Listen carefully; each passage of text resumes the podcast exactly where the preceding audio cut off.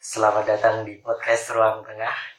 Hari ini di edisi jagungan saya kedatangan tamu beliau adalah Muhammad Amiruddin Ar-Rafi'i. Ya, terima kasih.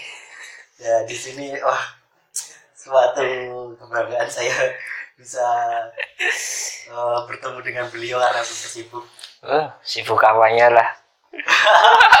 Oh, ya, di sini bahas topik-topik yang menarik terutama tentang keresahan beliau tentang corona ya. Masih resah, Ya, resah nggak? ya kalau resah atau enggak sih, tengah-tengah sih ya. Karena memang selain resah pun kita juga harus berjuang bersama buat menghadapi ini kan. Karena kan memang kita nggak bisa kerja sendiri. Kita harus bareng-bareng kan, buat menghadapi pandemi terbesar di Era sekarang. era sekarang mungkin ya. Nah, kayak gitu. Eh, dari pandemi ini atau eh, wabah ini Hmm. banyak hal-hal yang cukup menarik dan menggelitik. Iya. Eh, salah satunya bukan hanya saya mungkin Pak Amiruddin juga menggelitik juga ini salah satunya. Ada beberapa hal topik yang menarik. Yang pertama ini di tempat di sampean ini enggak mas? Hmm? Eh, katanya ada yang positif juga ya. Ada. Dan terus yang menarik bukan di positifnya tapi Hmm. adalah di kebijakan dari pemerintah setempat. Iya. yaitu tentang pembatasan jam malam kan Iya, ada itu. itu kalau nggak salah dari jam 6 sore sampai jam 6 pagi Iya. ya itu menurut Mas Amiruddin gimana? Kalau menurut saya tuh iya ya. Eh, antara sepakat sama nggak sepakat. Nah Nah, mungkin niatnya tuh baik ya. iya. Nah, karena memang di daerah saya itu kan membuat wilayah physical distancing. Jadi kan dalam satu arah jalan protokol di situ tuh ditutup nggak boleh lewat. Karena buat mengantisipasi ataupun mengurangin orang-orang bergerombol kayak gitu. Tapi yang jadi permasalahan ini ya, kenapa harus harus jam malam saja? Nah, karena ya mungkin kan kita pernah lihat video-video bapak apa itu nasi goreng ya jual nasi goreng kayak gitu kan, di daerah Jawa Timur kan. Dia masih enak-enaknya goreng tahu-tahu ada bapak-bapak satpol pp atau TNI itu datang kayak gitu kan.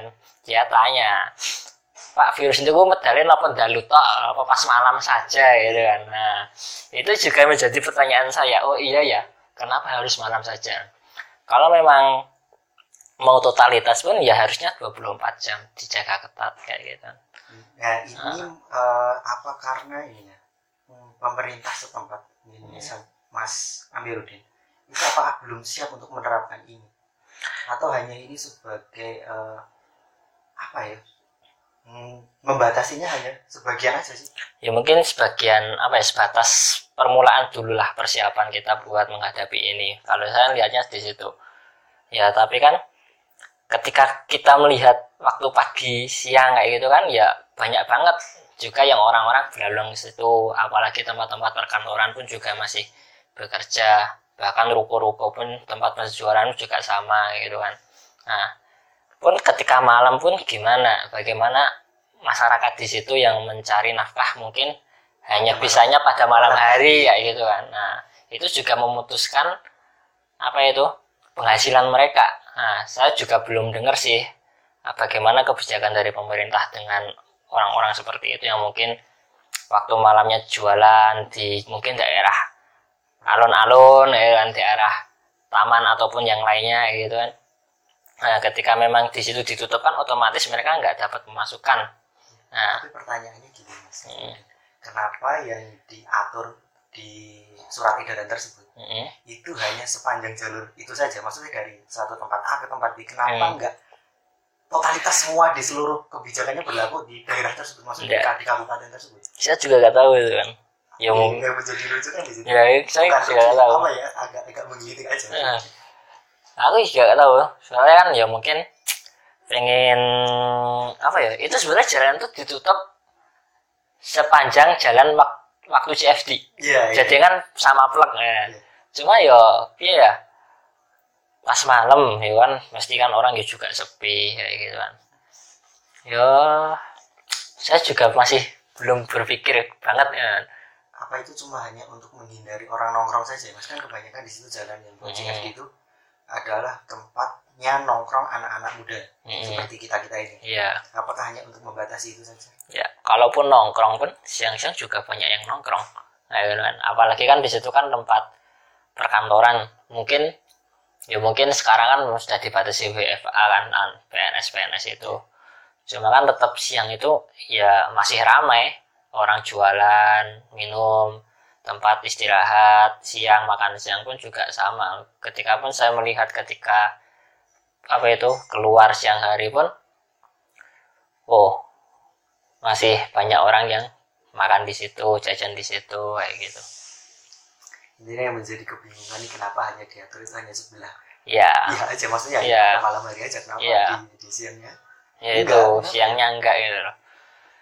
Ya itu, ya yang kalau menurut kacamata saya sendiri pun kalau misalnya totalitas ya udah totalitas aja, jangan setengah-setengah.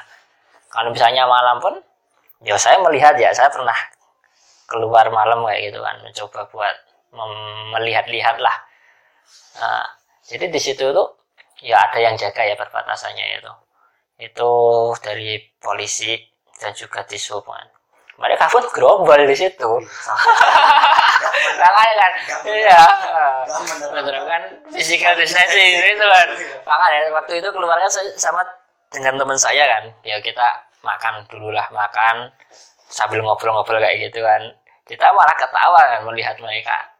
Malah duduk, kumpul bareng kayak gitu kan. Kalau physical distancing kan, kalau gerombol kan jangan sampai lebih dari lima orang ya. Iya, iya, iya. Nah di situ tuh, wah banyak kan. justru yang mereka mereka lah yang menjadi contoh Ah. harusnya menjadi contoh di Iya. distancing malah mereka nggak menerapkan itu ya Iya, oh. wah itu yang menurut saya itu wah kurang bagus lah. Dijaga sih nggak apa-apa, tapi kan tetap harus dijaga provat apa itu physical distancingnya. Nah, jaraknya. iya jaga jaraknya biar masyarakat lihat tuh juga oh ya bagus gitu loh. Nah kalau cuma ngasih aturan, tahu-tahu yang ngasih aturan itu enggak menjalankan kan juga nggak enak kalau dilihat. Ya, ya itu ya Ah. benar juga benar juga. yang siapa yang jadi contoh kenapa Ya. jadi buruk kan Ya. ya menarik menarik mas ini ada lagi nih masalah eh, kan di sini kan banyak sekali korban Mm-mm. di atas pandemi ini Ya. apalagi tentang penolakan jenazah Ya. yang terutama ada di Ya. Jawa Tengah yang kebanyakan itu ada di Jawa Tengah Ya. itu gimana mas menurut Mas? Ah, miris itu sebenarnya kalaupun saya tuh sampai nggak mau mendengarkan berita itu loh. Karena nggak kuat. Bener, saya nggak mau membaca. Jadi ketika ada saya nyekrol apa itu media sosial kan saya kan juga kan juga banyak berita yang muncul di situ. Pasti saya nggak mau baca. Karena emang nggak kuat loh. kok sampai segitunya? Bahkan pun saya pernah menulis dalam sebuah status kan sebenarnya musuh pandemi terbesar di sini itu bukan virusnya tapi hati nurani kita sendiri. Iya, iya, benar-benar. Bagaimana hati kita itu tergerak buat saling tolong menolong dan saling membantu. Hmm. Ketika kita memang nggak bisa menolong dalam bentuk materi, dalam bentuk uang, bentuk barang ya kan, kita bisa menolong dalam bentuk diri kita sendiri ya, kerjasama kita ya. apakah ini mas eh, virus ini pandemi ini jika kita positif Hmm. eh, apakah ini menjadi aib ya mas Ya mungkin sebagian masyarakat masih bilangnya seperti itu, karena memang mungkin ya belum bisa paham sampai sepenuhnya tentang kayak gini. Sebetulnya kan ya namanya penyakit kan ujian lah cobaan ya kan. Kita sebagai orang ataupun sebagai masyarakat kan seharusnya kita mensupport biar mereka tuh seneng iya. kayak gitu, biar bahagia, merasa terhibur ya kan. Jangan sampai dikucilkan ya kan. kan kan ada beberapa stigma masyarakat Hmm. wah kalau saya kena virus nanti ketika saya ngomong kepada masyarakat lapor Hmm. nanti saya malah dikucilkan malah malah menjadi beban di Hmm. masyarakat. Kan kebanyakan ini ya tapi justru ini malah menjadi masalah. Ya yang sebenarnya nggak usah takut harus lapor. Karena memang ketika kita berdiam diri ya bukan kita saja yang bakalan terkena. Iya kan? Hampir semuanya nanti malah tertular ya gitu kan. Ya mungkin ketika kita ngomong kita ngomong jujur ya gitu kan. Seenggaknya kita bisa memutus hal hal, hal terburuk yang bakalan terjadi ya gitu kan ya amit-amit ya ketika mungkin kita yang kena kita sendiri ya udah kita sendiri aja jangan sampai orang lain juga terkena gitu yang kasihan adalah tenaga-tenaga medis hmm. mereka harus berjuang terus berarti teman-teman medis ini Hmm. semakin banyak yang harus di, Iya. ditangani sedangkan tenaga medisnya kita terbatas iya Iya. nah ya kayak gitulah karena memang ini virus baru ya. Bukan sebenarnya bukan baru sih. Cuma kan boomingnya itu baru sekarang ya kan kalau dulu kan mungkin kebanyakan virus corona kan masuknya ke hewan. Iya. sekarang kan ke manusia. Jadi kan harus benar-benar banyak riset yang harus dilakukan buat menangani virus ini. Ya karena memang kita belum mungkin beberapa mungkin belum sebagian besar mempelajari hal ini. Makanya kan ya penanganannya harus benar-benar diperketat biar tidak mudah tertular kayak gitu kan apa karena ini negara kita masyarakat kita kita nggak negara masyarakat kita itu terlalu santai menghadapi sesuatu masalah. Jadi Hmm. mereka lebih bebas aja. Wah santai aja lah. Ya. Juga sembuh. Ah, Ya. juga gini. Apa karena terlalu santai kan negara kita negara paling santai ya Ya. gitu. saya saya pun juga. Saya pun juga. Saya, walaupun saya pun termasuk orang yang terlalu santai menghadapi hal seperti ini. Walaupun santai itu juga penting. Nah, apa ya kita nggak boleh parno terhadap sesuatu Iya. apa karena kita terlalu santai ini? Iya. kita menyepelekan sebuah virus. Sebenarnya gini santai itu boleh. Nah, nah tapi kita harus tahu tata aturannya loh Ya, nah, itu yang harus iya, penting iya, benar, benar. Nah, tata aturannya seperti apa? Kita harus paham bagaimana penularan virus ini. Nah, penularannya kayak kayak gimana gitu kan. Pencegahannya kayak gimana? Apa yang harus kita lakukan? Nah, itu. Kalau misalnya saya adalah mungkin virus itu mereka banyak bertahan lebih lama bertahan itu berada di besi ataupun baja gitu kan. Oh, banyak orang-orang yang memegang di situ. Kita minimalisir buat memegang itu. Saya paling kayak gitu ketika saya mungkin ke kampus buat sebuah urusan, mungkin saya bakalan menghindari seperti itu. Ketika pintu itu bisa didorong ya saya dorong. Ketika bisa bukan dengan telapak tangan atau bisa pakai pundak ya saya dorong pakai pundak buat meminimalisir ya gitu kan. Terus yang kedua adalah apa ya? Karena memang tangan kita itu banyak gratilnya Pak. Iya, Ya, iya, ya, iya. itu. Sebenarnya kan kalau saya baca pun virus itu nggak bisa masuk lewat tangan. Tapi masuknya itu lewat lubang-lubang yang berada di kepala kita, mulut, hidung, mata, telinga mungkin juga bisa. Nah, ketika tangan kita itu masih kotor, masih ada bekas-bekas virusnya ya kan. Ya jangan sampai kita itu megang mulut, megang hidung, megang mata ya kan. kebiasaan Iya. gatal Iya, itu nah. apa Oh, itu. Iya, iya. Nah, makanya kan apa ya bener-bener tangan tuh dijaga makanya kan kenapa pakai masker jadi nek gatel lagi ya ya wes lah kita menggaruk-garuknya itu di masker kan Nggak langsung. lah iya Nah, Ya, jadi ini kan pentingnya edukasi kepada masyarakat. Nah, Yap. Eh, apa ya? Yang bikin susah masuk edukasinya ini di usia berapa sih? Kalau kayaknya milenial bakal paham nih kan. ya Karena banyak influence yang masuk nih seperti kayak eh, oh, pendapat siapa nih karena dia mengagumi siapa karena dia melakukan ah dia tergerak. Tapi bagaimana dengan orang-orang tua Hmm, yang terlalu apa ya? Eh, keras kepala bisa dibilang seperti itu. Hmm, bisa jadi sih karena ya mungkin orang tua tuh bukan duit gimana ya nek bahasanya Orang-orang tua. ya ketika mungkin sudah berusia lanjut ya dia itu mungkin ketika satu membaca membaca sebuah artikel ataupun sebuah berita ketika dia meyakini itu benar mungkin dia bakalan langsung melaksanakan ya gitu. mungkin ada beberapa orang menjemur itu bisa menghilangkan virus nah itu itu tuh saya tuh nggak yakin dah ya kan ketika saya ya itu risetnya mana? Pe- apa itu? Penelitiannya mana? Ya cuma kalau kita DD ya berjemur ya kan ya mungkin kita dapat vitamin D-nya itu bagus ya kan. Tapi untuk ketika kita kembali ke awal niatnya buat membunuh virus itu belum ada ya kan. Ya DD itu bagus kan cuma kan bukan bukannya menolak untuk DD ya tapi kan kalau keseringan titik atau titik tahu-tahu jam 10 jam 11 kan juga malah iya merusak kulit kita iya iya iya seperti itu benar Mas. apakah karena ini ini? Eh, kita itu terlalu cepat Hmm. bereaksi terhadap sesuatu ya mungkin sih karena kan banyaknya apa dengan media sekarang yang sangat Hmm. berkembang sangat cepat banyaknya informasi yang datang kita Hmm. langsung merespon oh gini gini gini gini jadi kita tidak memfilter mana yang benar mana yang itu sehingga uh, apa menimbulkan keriuhan menimbulkan semerok apa ya istilah lebih tepatnya Uh, menimbulkan kegaduhan ya kegaduhan sebenarnya sebenarnya itu nggak nggak nggak Hmm. gaduh tapi kita sendiri yang membuat Oh. Ya, pandai-pandailah buat memilih berita. Ya, kalau kita baca pun nggak apa-apa. Yang penting ketika kita nge-share itu kita tahu bagaimana mana yang mungkin apa itu bagus, yang benar, yang valid kayak gitu kan. Jangan kita asal oh iki apa iki, iki bener iki langsung share kayak gitu. Itu juga kurang bagus.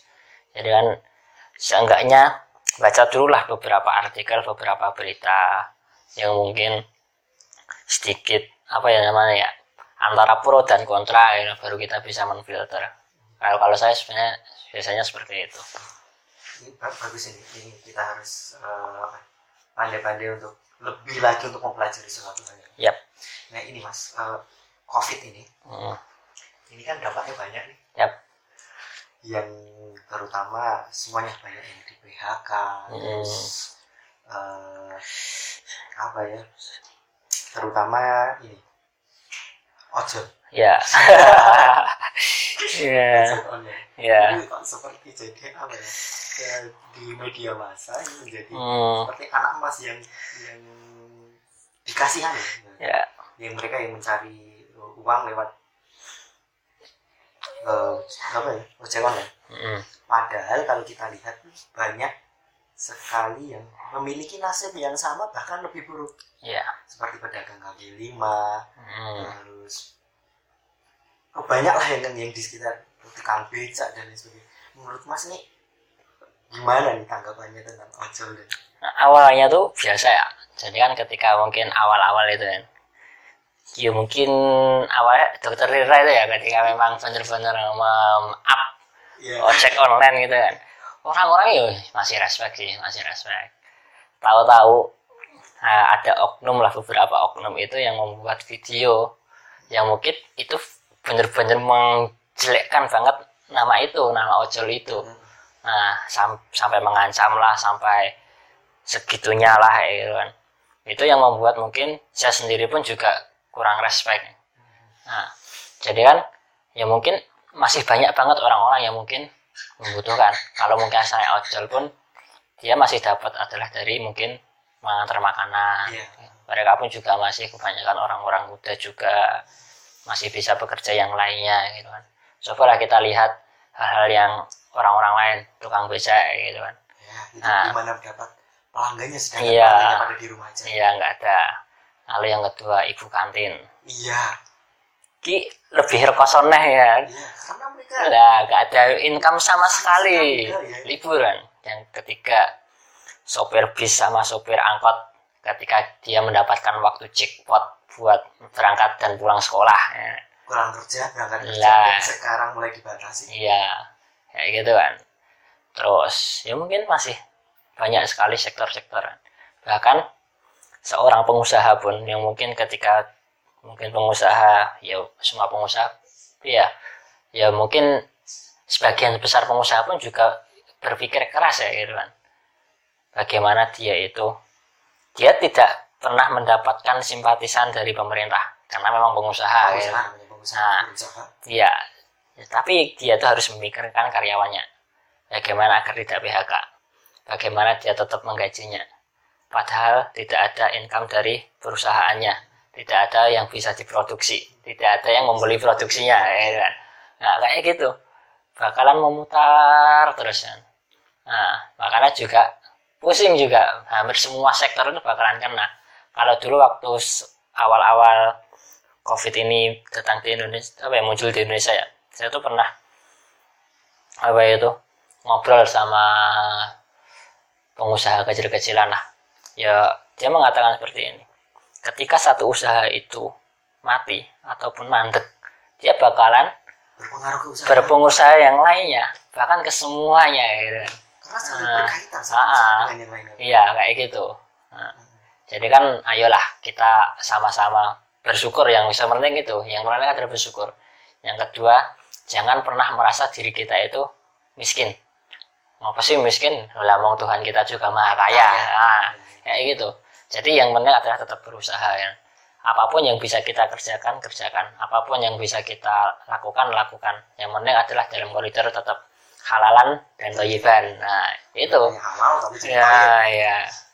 Ini mas. Masalahnya nah, saya kan anak kos nih. Ya Eh, kalau malam kan suka sering jajan. Mm, nah ini saya juga was was mm, was wasnya begini ketika saya harus beli mm. beli makan itu takutnya digaris satpol pp diringkus satpol pp. Ya kan ada beberapa video yang yang diringkus itu malah bukan orang-orangnya tapi malah kursi-kursinya. Ah, nah, menurut tuh gimana? Ya yang penting kan yang terpenting adalah jangan terpakai kekerasan gitu. Karena memang penjual itu ya harus melakukannya. Karena mereka juga Ah, ah. uang untuk Iya. Iya. ya terus kita sebagai pembeli pun juga harus sadar. Beli itu nggak apa-apa malah jangan dilarang. Yang terpenting kan nggak bisa beli banyak dibawa pulang. Bawa pulang. Belinya jangan cuma satu banyak sekalian. Biar penjualnya itu juga seneng. Dan juga bisa hidup. iya kita nggak Ah. tahu. Dia cuma hidup dari situ atau mm-mm, ada sektor yang lain. Mm-mm. saya juga sebenarnya merasa kasihan nih kalau melihat orang-orang apalagi yang terkena dampak PHK itu. Mm-mm. mereka harus ngapain mas kalau ya ya saya emang belum tahu sih. Apakah PHK ini dapat pesangon atau enggak? Harusnya sih dapat. Karena memang aturan dalam apa itu Kementerian Tenaga Kerja kan emang kayak gitu. Ketika emang di PHK harus dapat pesangon. Cuma kan ya yang harus dilakukan. Yang pertama kan tetap bersabar lah. Tetap mungkin ada jalan lain lah. Masih banyak jalan yang harus kita tempuh. Mungkin ini ujiannya. Karena memang ya kita tarik lagi ya. Allah itu nggak bakalan menguji sesu- sesuai batas kemampuan kita. Itu yang harus dipercaya. Itu pasti banyak bakalan ada jalan yang lainnya. Itu. Ini mas masalah ngomong-ngomong PHK itu. Mm. Kalau diberi apa tadi? Eh, Pesangon. pesangon. Ya mungkin diberi tapi kalau nggak sesuai dengan aturan pemerintah ya itu. Ya biasanya sih tetap ada apa ya sanksi buat perusahaan. Setahu saya sih. Cuma saya memang belum tahu Gitu. sepenuhnya gitu kan. Tapi setahu sekecil saya tuh kayak gitu. Harusnya. Mm-mm. tapi kan banyak swasta yang nakal Ah, mungkin loh ya ya. Ya, semoga saja apalagi ini sebentar lagi juga puasa Mm-mm. terus lebaran kan perusahaan harus mikir memberikan THR Iya. dua kali loh Yaps. makanya kan saya bilang tadi pengusaha itu mikirnya lebih keras lagi ya kan. bagaimana harus mikir apa itu mikir buat pengusahanya belum lagi diteror sama masyarakat masyarakat harus nyumbang inilah itulah gitu kan. Nah ya mungkin jangan apa ya sebagai masyarakat tuh jangan pernah kita itu memaksa seseorang buat memberi. Nah itu sebuah kesalahan. Biarlah hati mereka tuh terkatuk dengan sendirinya. Nah jangan sampai pemberian seseorang itu jadi tidak ikhlas tidak rela. Itu karena Ah, paksaan aja. Ah, omongan netizen ini kan. Ah. Ah. Iya. Hmm. Ngomong eh, banyak yang sudah eh, banyak sekali yang sudah meninggal Hmm. karena kasus ini ya kita semoga mereka diterima di sisi Amin. Yang Maha Esa. Nah ngomong-ngomong masalah banyaknya ini kan eh, apa ya sebenarnya yang harus dilakukan pemerintah dengan banyaknya kematian ini Sem- semata-mata hanya eh, kematian banyaknya kematian hanya sebatas angka statistik saja. ya jadi kan di Indonesia itu termasuknya kalau kita kembali dengan statistik ya termasuknya itu tertinggi. Ya bukan tertinggi sih. Di taraf tinggi ya. Darah tinggi. di taraf tinggi karena apa ya itu rasionya itu apa ya yang kena sama yang meninggal itu kan sampai 9 sampai 10 persen. Nah itu kan benar-benar tertinggi. Bahkan di Cina aja kan cuma kisaran tiga persen. Nah tapi kan di sini kan nyawa ya nyawa itu bukan sebuah semata angka gitu kan jadi misalnya kalau kita melihat di Italia setiap hari kan sampai ratusan nyawa itu Iya, harus iya. keluar bahkan nanti saya melihat membaca berita itu di Amerika itu paling parah Iya, sekarang ini ya kan. hari ini ataupun kemarin ya saya nggak nggak nggak tahu itu sehari itu 4000 yang meninggal nah jadi kan yo ketika mungkin ada beberapa petinggi negara yang mengatakan Indonesia itu baru belum ada 500 yang meninggal. Ini kan bagi saya pun ya Allah ngapa sih sampai bilang seperti itu? Nah karena memang yo mungkin kita dalam tarafnya kan sedikit kalau kita dibandingin dengan Itali, dibandingin dengan Spanyol, dibandingin dengan Amerika. Tapi kan kalau kita bandingin dengan negara tetangga, Malaysia, Singapura, Vietnam, Wah, parah. Indonesia parah sekali loh rasanya. Nah, makanya kan dalam nyawa itu jangan dibuat enteng kayak gitu kan. Karena memang nyawa kan yang menjadi dampak itu bukan hanya badan statistik kok. Nah, jadi kan keluarganya juga merasakan kehilangan kayak gitu. salah angka ini mas Hmm. data bukannya data itu bisa dibuat mas Ya bisa apakah mereka hanya menutupi sebenarnya kasus ini banyak sekali Hmm. rasio sangat gede sekali Hmm. apakah hanya diambil segini lah buat rata-rata atau ya menutup-nutupi atau gimana Saya nggak tahu sih kayak gitu kan. Saya nggak pernah berpikir. ada ada kemungkinan guys Bisa jadi, bisa jadi bisa jadi. Karena memang karena kan yang memegang kan juga pemerintah kan. Ya mungkin karena pemerintah adalah pemegang data seluruh segalanya kan bisa bisa saja. Cuma kan kalau kita melihat sendiri kan sebenarnya di Indonesia itu taraf penambahannya itu apa ya dalam satu bulannya ya dari bulan Maret sampai bulan April itu hmm, nggak ter bukan ketika kita membaca statistik lagi ya itu ya memang masih dalam tahapan apa ya tidak tinggi sekali ya gitu. Beda dengan Itali yang langsung. beda dengan Iran kayak gitu. Langsung sangat banyak sekali ya. Entah itu karena keterbatasan alat nah itu. entah memang bener-bener Indonesia itu segitu yang terkena ya semoga aja nggak ada ya tambahan lagi ya gitu ya kita nggak tahu ya ngomong-ngomong pengambilan data kan kita nggak bisa ngambil data langsung semuanya kan mesti, Iya. mesti random random Mm-mm. sampel. ya mungkin kalau kita mau data nyata ya ya kita apa ya mungkin ya setiap kabupaten kan ada gugusnya sendiri ya gugus penanganan lalu ada web yang me- apa itu memunculkan data-data yang OTP, BTP ya kan ya kalau teman-teman pengen lihat pun cobalah setiap kabupaten teman-teman cari sendiri. Nanti dijumlahkan apakah sama dengan data yang ada di pemerintah pemerintah. Tapi kemungkinan besar pun sama karena memang masih dalam satu jalur websitenya kemungkinan sih. Eh, banyak sekali aturan pemerintah ini Diterapkan sekarang ini seperti eh, kemarin pro kontra lockdown. Mm-mm. terus sekarang eh, PSBB Mm-mm. terus social distancing physical distancing di rumah aja. Mulai dari di rumah aja harus physical distancing. Terus sekarang PSBB menurut mas eh, itu efektif nggak? Mana pemerintah. Gimana ya? Karena memang menurut saya itu semuanya si malakama iya iya iya harus punya dampak buruknya ya kan. semua ada, dampak buruknya ketika memang yang pertama adalah physical distancing. Ya mungkin dampak buruknya masih banyak orang yang berkeliaran masih banyak orang yang mungkin belum melaksanakan anjuran sebagaimana mestinya kayak gitu kan. Jadi kan ya yang saya katakan tadi tangan kita itu masih banyak yang gratilnya karena memang pokoknya itu di tangan kita makanya kan sering-sering cuci tangan kayak gitu kan memang itu sangat penting. Apa karena kita memikir bahwa memikirkan bahwa anjuran itu Hmm. hanya sekedar anjuran bukannya menjadi sebuah aturan? Ya karena memang anjuran sih anjuran kan boleh dilakukan boleh tidak? Boleh tidak. Kalau dikatakan anjuran itu adalah sunnah. Iya. Nah, sunnah ya, sunnah dari pemerintah tuh kayak gitu.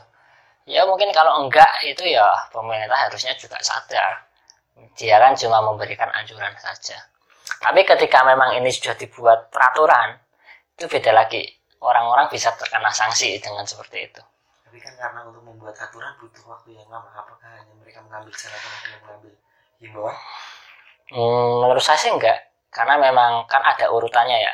Tapi saya sudah lupa banget itu karena ada urutannya itu yang ter tertinggi kan undang-undang undang UUD lalu turun-turunnya itu apa saja kan saya sudah lupa ya. Cuma kan ada yang namanya kan keadaan darurat kan keadaan darurat ya kan. bisa mengeluarkan perpres. Perpres ataupun sejenisnya gitu kan. Ya, gitu. jadi kalau misalnya benar-benar pengen dipertegas pun harusnya bisa. Dulu itu saya pernah memikirkan saya tuh dulu pernah mikir adalah orang yang menolak lockdown karena apa? Imbasnya itu bakalan lebih besar sekali. Benar-benar bakalan lebih besar. Makanya kan ketika apa itu pemerintah itu mengatakan melakukan PSBB karena kan berawal kan dari Jakarta kan minta lockdown ya. Iya. cuma kan diganti dengan PSBB saya sedikit terbuka gitu kan. Cuma kan setelah sejalan seperti ini kok masih sama saja gitu. Saya kita juga nggak tahu sih kalau di Jakarta kan PSBB kan lebih diperketat lagi cuma kan kalau yang di sini kan daerah kita di seluruh raya kan masih eh kayak gitulah masih tambah rame Iya. dulu awal-awal tuh Solo itu sepi sih saya Nah, merasakan ini sepi menarik, menarik, menarik, menarik. bener waktu pertama kali ke ALB itu bener-bener sepi jadi pertama ke ALB kan hari Sabtu kalau. Jum- minggu apa pertama kali diumumkannya positif keluar gitu Iya. Ya kan langsung ke LB ya. Saya tuh ya emang saya kan apa itu Pak? masyarakat yang nakal ya. Saya masih keluar ke rumah. Itu saya coba melihat karena kan ke ke daerah Pabilan dulu. Lalu saya coba bers- apa itu mengelilingi daerah hmm, Selamat Riyadi. Di situ benar-benar saya merasakan sepinya Solo ya. Untuk pertama kalinya siang sepi ya kan cuma kan sudah dua minggu tiga minggu ini minggu ke empat ya kalau salah sudah berjalan minggu keempat ini kemarin minggu ketiga itu ramai banget. Bahkan daerah Tirtonati itu saya mau merasakan macetnya. Karena apa? Karena ini ya mas. Kemarin itu sempat sempat diumumkan oleh bapak wali kota hmm. bahwa ada yang sembuh dari covid. Heeh. jadi masyarakat buat pemikiran tadi lagi satu Iya. tadi. Iya. Ini mereka walah ya wis lah Eh, bisa disembuhkan mereka Ah. balik lagi. Ya mungkin yang bisa jadi yang pertama itu dan Iya. media membesar-besarkan itu nah, karena memang yang dibutuhkan masyarakat adalah berita baik sekarang Berita Ah. sekarang. Hmm. tapi karena Lah, ya. baik ini itu malah jadi Ah. mengerikan Hmm. Terus yang kedua mungkin karena memang kebutuhan uang-uang orang-orang kan ra betah lah nang rumah terus habis itu kan dia nggak bisa ada income ya udah mau nggak mau dia keluar ya, ya. karena kan di situ ya menarik menarik terus tadi ya aku sebenarnya merasa lagi lockdown ya. Ya, kenapa sangat. dulu tuh saya orang yang tidak suka lockdown ya? Karena memang bener-bener bakalan kalau saya orang mat bukan orang materialis ya saya orangnya lebih ke apa itu logika. Karena memang bakalan menghancurkan ekonomi Indonesia banget. Karena ya duluan pernah sampai hampir 17 ribu ya. Saya mengatakan kalau misalnya lockdown tuh rupiah bakalan sampai berapa Nah, aku saya, saya bahkan bisa mikir bisa sampai 25 ribu. Oke lah kita lockdown satu bulan. Ya mungkin di Jakarta ya, di pusatnya. Di Jakarta satu bulan. Karena di sana kan pusat ekonomi, pusat perindustri, pemerintah pemerintah pemerintahan, dan juga pusat bisnis di sana. Jadi kan 70% perputaran uang kan di sana semua. Coba saya ini saya mikirnya adalah dengan kacamata sendiri dan ilmu yang saya pelajari sendiri ya, bukan sebuah bukan seorang ahli ya. hanya Nah, saja nah. kita saja Selama itu misalnya satu bulan ya gitu. Kita ma bisa matematikanya rupiah itu di angka 25.000 per dolar. Apakah ekonomi itu bakalan balik dalam satu bulan ya? Saya mikirnya di situ. Apakah sampai satu tahun ataupun dua tahun? Mungkin ketika kita kembali ke 98 ya, ketika zaman Pak Habibie kan dia juga perlu waktu beberapa bulan buat menstabilkannya lagi. Nah, apakah ini juga bakalan bisa terjadi di Indonesia? Saya mikirnya di situ. Nah, banyak gini mas beberapa mikirnya kalau yang setuju lockdown mas nggak setuju lockdown kan nah, yang setuju lockdown gini lebih baik ekonomi saya mati mm, daripada banyak nyawa yang mati mas ya, itu. Terus ya gini, lanjutin. Jadi kan kalau kita lockdown kan, oke, semakan kebutuhan hidup kita bahkan kebutuhan hidup ternak kan sudah ditanggung oleh pemerintah. harusnya. Saya juga nggak saya nggak tahunya kan ketika lockdown satu bulan yes lockdown selesai satu bulan nih. Apakah setelah satu bulan ini masih ada apa bantuan dari pemerintah? Atau mungkin kita harus sudah pemerintah sudah melepaskan tanggung jawabnya kan. ketika enggak kita bakalan lebih parah lagi. Yang pertama pasti para pengusaha ataupun pemilik pengus- pengusaha ya. Jadi pengusaha di sini para korporator itu tidak semuanya buruk. Pasti dia bakalan mikir apa itu kehidupan pegawai-pegawainya? Ketika memang tidak bisa berjalan secara normal lagi apa yang bakalan terlaksana? PHK besar-besaran itu pasti. Nah yang kedua ketika sudah kembali normal gitu kan setelah satu satu bulan lockdown ya apakah bahan bahan pokok kehidupan orang-orang yang mencari kerja bakalan normal lagi. Ketika mungkin bahan pokok pasti bakalan naik semua. Nah gaji-gaji apakah juga bakalan naik? Itu yang memi- memikirkan saya jangka panjangnya bakalan ekonomi digerus banget. Dan bahkan orang-orang kecil juga bakalan yang kena. Jadi kan efeknya jangka panjang banget.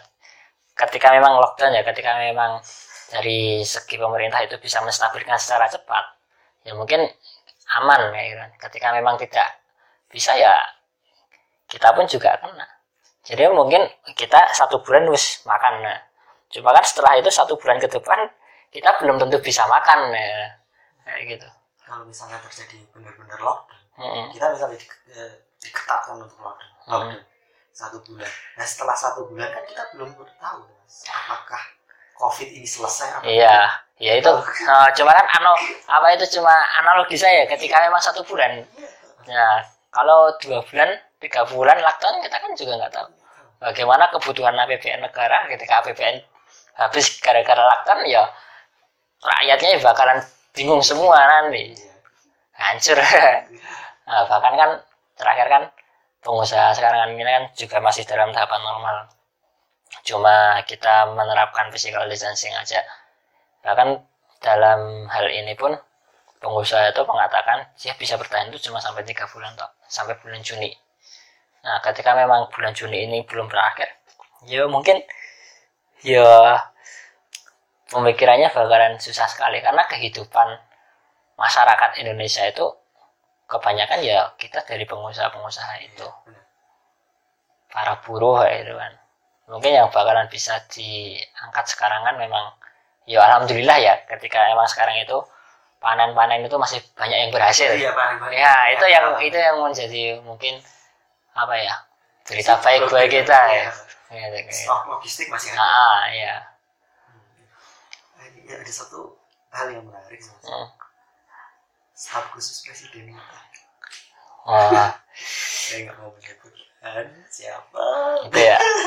Yang yang ngirim surat ke camat-camat itu ya. Iya. Itu sih. Menurut saya tuh gini. Kenapa sih kok bisa kayak gitu ya gitu kan? Sebenarnya niatnya tuh baik. Yakin? Saya melihat membaca suratnya itu nggak ada niat buruk sama sekali. Nggak ada sama sekali. Tapi tendensi ya ya gitu. Ya mungkin kan yang pertama adalah yang menjadi permasalahan yang pertama kop suratnya yang dipakai iya Nah, yang kedua itu adalah ngirimnya apa ya, yang dikirim kayak gitu kan. Jadi kan sekelas staff itu tidak memilih, menurut saya ya, walaupun sekarang kan staff sus milenial kan kita juga nggak tahu tugas tupoksi secara sebenarnya kan seperti apa. Tapi kan secara setahu saya kan yang namanya staff kan kita mereka kan nggak nggak bisa ataupun jarang sekali yang namanya kerja secara apa ya kerja di depan layar. Pasti yang namanya staff itu di balik layarnya. Karena memang ketika saya masih apa itu belajar di kampus ya itu kan di organisasi kampus itu ketika saya masih staff pun kayak gitu. Kita nggak bisa memiliki hak penuh kayak gitu kan. Apalagi yang namanya tanda tangan kayak gitu. Memberikan keputusan ya. Ya memberikan keputusan tanda tangan memerintah kayak gitu kan. Karena memang itu bukan tugasnya. Seperti halnya gini. Ketika dulu saya tuh ketika di bidang misalnya kita saya di, di bidang advokasi ya gitu kan. Ya sebut saja organisasi BEM ya kan. Kita di bidang advokasi ya gitu. Saya sebagai staff tuh nggak bisa tanda tangan langsung kayak gitu kan boleh tanda tangan mungkin sebagai ketua pelaksana atau sebagai penanggung bukan penanggung jawab sih ketua pelaksana lah ataupun gu- kayak gini kan gugus tugas ya gitu kan. Cuma kan harus ada yang mengetahui ataupun yang menyetujui ya gitu kan. Jawab. iya siapa yang menyetujui ya gitu kan. Ya mungkin ketika kita di organisasi misalnya di BEM ya gitu kan. Ya mungkin tertinggi nah, siapa? Ketua BEM ya ketua ketika kita di himpunan mahasiswa pun di ketua himpunannya. Nah kalau di sini kan kita ska- apa itu? Kopinya adalah sekretaris kabinet. Seenggaknya kan ada yang mengetahuinya ataupun menyetujuinya yaitu adalah sekretaris kabinet. Nah, minimal di situ. Hmm. yang kedua adalah karena banyakkan orang-orang kan mengatakan ini adalah konflik kepentingan ya, kan. ya itu bisa saja sih tapi kan memang saya nggak tahu yang staf sus ini modelnya seperti apa apakah memang dalam hal ini karena menguntungkan perusahaannya atau enggak saya nggak belajar sampai segitu yang terpenting di sini saya menyorotinya adalah masalah birokrasinya nah jadi kan ketika sudah menjadi pejabat publik ya walaupun staf sus itu kan nggak tahu pejabat publik atau enggak ya kan. ya terpenting kan Lumayan. ya terpenting kan mereka kan juga dapat gaji kan juga dari rakyat ya yang terpenting ya kalau saya mengatakan harus belajar ya enggak. Kalian ketika dipilih itu juga seharusnya juga harus tahu. Udah siap. sudah siap dan juga harus tahu ya kan. Bukan dengan alasan masih belajar lah ketika orang-orang tua yang di sekelilingnya juga memakluminya kayak gitu kan nggak bisa kayak gitu kan. Karena memang ini tingkatnya sudah nasional. Nah jadi kan bukan taraf lagi belajar tapi juga harus tahu tata kelola birokrasi kenegaraan itu seperti apa Apakah harus dicopot aja? Nggak tahu juga. Eh, kalau dijawab sih itu haknya yang ngangkat ya. kalau saya nggak pernah ngomong kayak gitu. Yang terpenting ya itu sih harus tahu posisi, harus tahu kondisi ya gitu kan. Yang penting jangan pernah membuat gaduh masyarakat. Nah, masyarakatnya gampang dipancing emosi, Karena mancing emosi ya sampai, wes. karena sampai di Twitter mas, itu Iya. sampai trending kan. Mm. Copot staff khusus Hmm, presiden. ya. Kayak gitu. Soalnya orang kita tuh terlalu apa ya? Ya. ya kalau sa- kalau saya itu ya mungkin kesadaran diri aja sih seperti apa ya kan ya karena memang kesalahan seperti itu kesalahan di sebuah birokrasi negara itu kan memang tanggung jawabnya kan bukan hanya apa itu di dunia aja Iya. Nah itu karena memang tanggung jawabnya double jadi kan ketika kita menjabat sebuah lem, apa ya pimpinan lembaga ataupun kita diamanahi untuk hal seperti itu kan kita tanggung jawabnya bukan untuk di dunia aja nanti di akhirat itu seperti apa pun kayak gitu Oh iya, mas, Eh, kita bukan melawan pemerintah, kita bukan, kita hanya ini sudut pandang kita terhadap apa yang Hmm. terjadi di fenomena sosial ini keresahan kita aja. Hmm. Nah sebenarnya eh, apa sih yang harus kita lakukan dengan banyaknya kebijakan pemerintah kita sebagai masyarakat awam? Apakah kita harus menolak terus nggak kan kita juga harus Hmm. melawan? Kita tuh eranya harus bersama-sama untuk melawan pandemi ini. Ya. Sebenarnya apa yang harus kita lakukan mas? ya mungkin gini yang pertama adalah kita negara demokrasi ya kita bisa berpendapat kita bisa mengutarakan ngomong lah tapi yang terpenting adalah dalam tahap yang baik Baik. Ya yang terpenting itu. Kita ngomong baik-baik walaupun mungkin pada akhirnya kita nggak didengar pun ya. Ya terpenting adalah kita ngomong lah. Nah, karena memang kita sebagai masyarakat kan, ya ketika memang ada sebuah seorang pem- pemerintah ataupun petinggi ya gitu kan, ketika ada salah ya kita sebagai rakyat pun diperbolehkan buat mengkritik, buat memberi saran kayak gitu kan. Tapi kan jangan sampai kita membiarkan orang-orang pemerintah mungkin dalam kata ini adalah zolim kayak gitu kan ya jangan sampai kita biarkan aja yang penting kita ngomong sebaik-baik kalau misalnya tidak digugu pun ya sudah kan juga kita walaupun uh, pemerintah juga baik kita juga harus mendukungnya kan Mas? iya harus Hmm, nggak nggak boleh uh, terlalu fanatik iya Iya. hmm. terakhir mas sebenarnya Yep.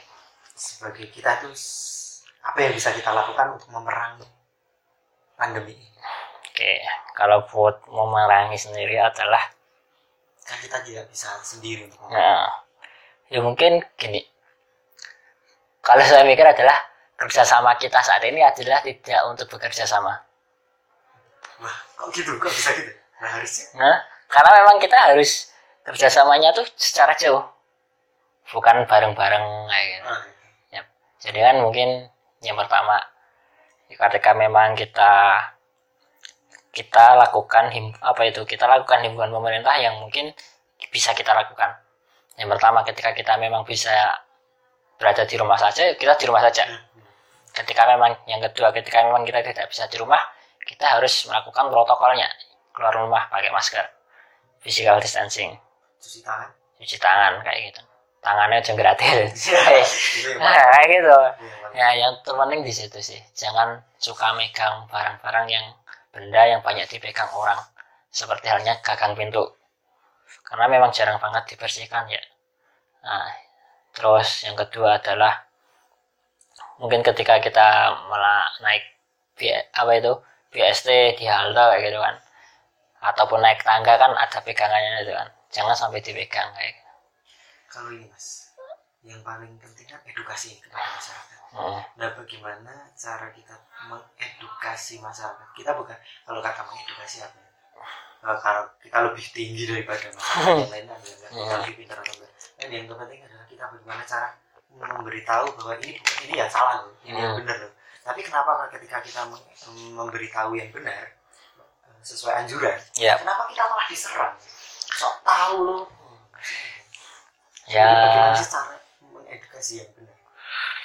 Sebenarnya gini yang cara mengedukasi ya ketika masyarakat mungkin karena beragam masyarakat. yang mungkin ketika apa ya namanya ya hmm, yang mungkin dia bukan tidak berpendidikan sih. Namanya apa ya? Eh sekolahnya hanya sebatas mungkin sampai SMP ataupun SMA SMK kayak gitu ya. Itu tuh kalau saya melihat tuh yang penting adalah yang pertama ketika masyarakat adalah tokoh masyarakat. Ya misalnya kayak kita tuh mahasiswa masih anak muda. Itu biasanya kan sulit buat diterima buat orang-orang tua di masyarakat. Yang, yang yang pertama itu adalah tokoh masyarakat jadi tokoh masyarakat itu harus benar-benar paham dan tahu. Terus yang kedua adalah di ahlinya. Jadi kan orang-orang ahli ya gitu kan. Mungkin dalam hal seperti ini adalah orang-orang yang pernah belajar di dunia kesehatan dunia apa ya keperawatan kedokteran medis farmasi kayak gitu. Itu mungkin bakalan lebih dipercaya lagi ya. Kalau misalnya kayak saya kan cuma lulusan apa ya pendidikan teknik kayak gitu kan. Hanya seorang teknik. Nah, itu kan ketika membahas masalah kayak gini kan juga nggak cocok sama sekali. Jadi kan yang, yang terpenting di situ. Yang pertama adalah tokoh masyarakat. Yang kedua memang yang pernah belajar di bidang yang tersebut. Tidak penting tidak kalah penting adalah perkataan dari Mas Amiruddin Eh, keterbukaan kita untuk saling membantu. Yap. rasa kemanusiaan itu jangan Iya. hilang ya itu harus itu. Gitu ya men jangan tidak cuma se- sebuah materi uang harus beli APD kayak gitu ketika saat ini kan juga sudah banyak banget orang-orang yang mungkin menyumbangkan. Ketika memang kita nggak bisa seperti itu ya udah kita lakukan dengan cara kita. dengan cara kita kita bisa di rumah aja ya udah di rumah ketika kita keluar itu kita juga harus melakukan protokol-protokol nah ini wah ini sangat menarik banget di sini kita tidak mengkritik pemerintah kita hanya mengutarakan apa yang memang sebenarnya kita sangat gatal untuk dikatakan. Yap. sebenarnya terlebih dari, dari itu kita sebenarnya mendukung pemerintah untuk terus memerangi virus corona ini sama-sama memerangi jangan lupa untuk cuci tangan. Ya. enam langkah cuci tangan. Ya. Dulu dulu gitu gak mas? Ra. Gantung. aku dulu gitu mas. Hmm. soalnya eh, dulu waktu KKN belajarnya praktis gitu mas. Enam langkah cuci tangan. Ya. Ada yang tahu lagunya? Ya. Itu sebenarnya edukasi yang bagus. Nih, terima kasih mas Arif. Sama-sama. Terima kasih juga. saya di podcast ini. Eh, mungkin itu aja kalau pengen mengerti Mas Amiruddin sebenarnya orangnya seperti apa sih itu bisa dilihat di mana Mas Gimana ya? Instagram ada punya Instagram Instagramnya AMR iya underscore iya. ROFIK. oh iya beliau ini juga pengusaha di MK Tour iya benar Yaps.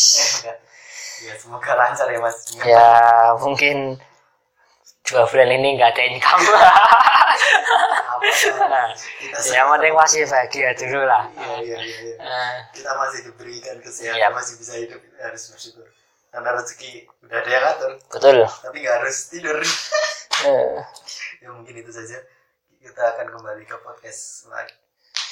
Kapan-kapan dengan topik yang lebih menarik. Mungkin saya akan undang Mas Amiruddin lagi. Siap. topik yang lebih menarik lagi. Maaf ya kali ini kita agak serius kita tahu bicarakan